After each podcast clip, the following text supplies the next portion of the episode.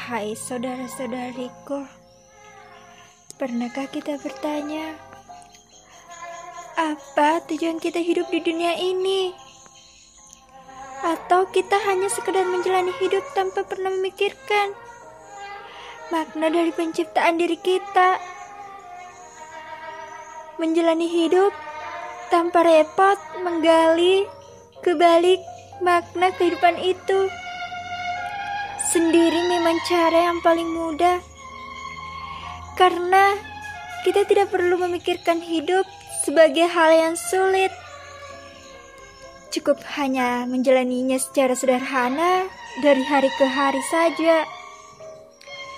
Namun, mengetahui makna kehidupan dapat membantu kita menjalani hidup dengan lebih baik lagi.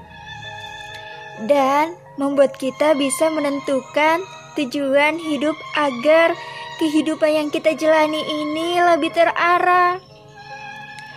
Tanpa tujuan, rasanya hidup menjadi agak hambar. Dan hanya sekedar dijalani saja tanpa makna dan motivasi.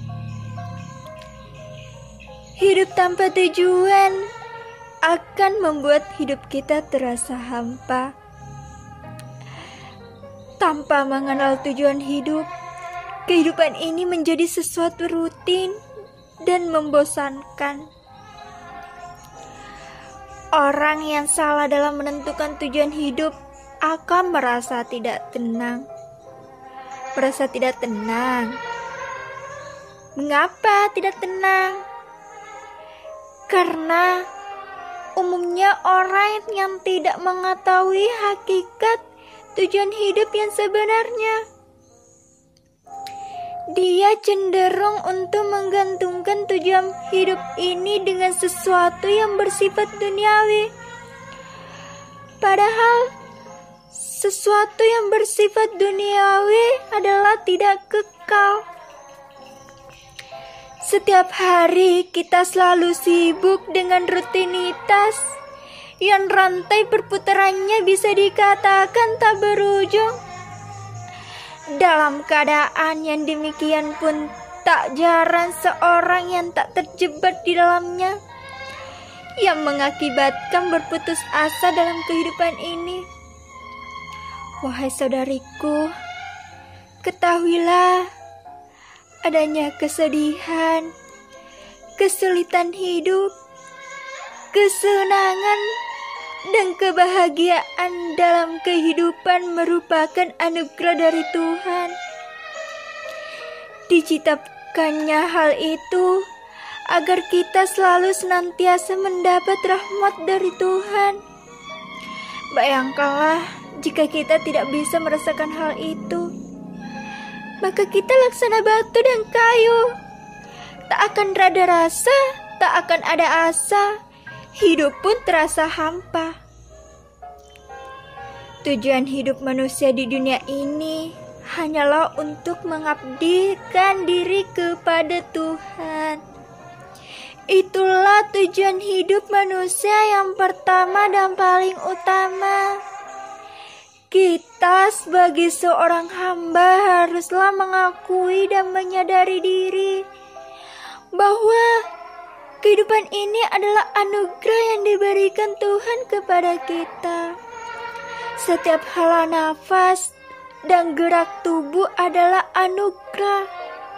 Maka, dengan sikap mengakui ini akan dapat menimbulkan rasa syukur yang kemudian terwujud dalam bentuk pengabdian atau ibadah.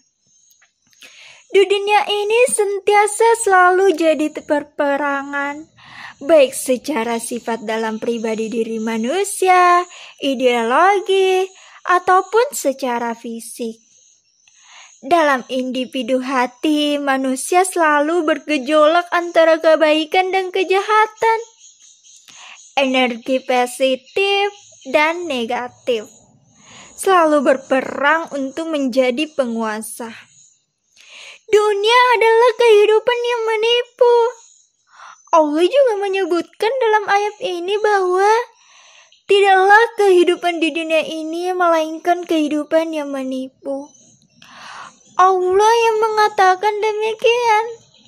Maka jangan mengejar dunia, tapi kejarlah akhirat.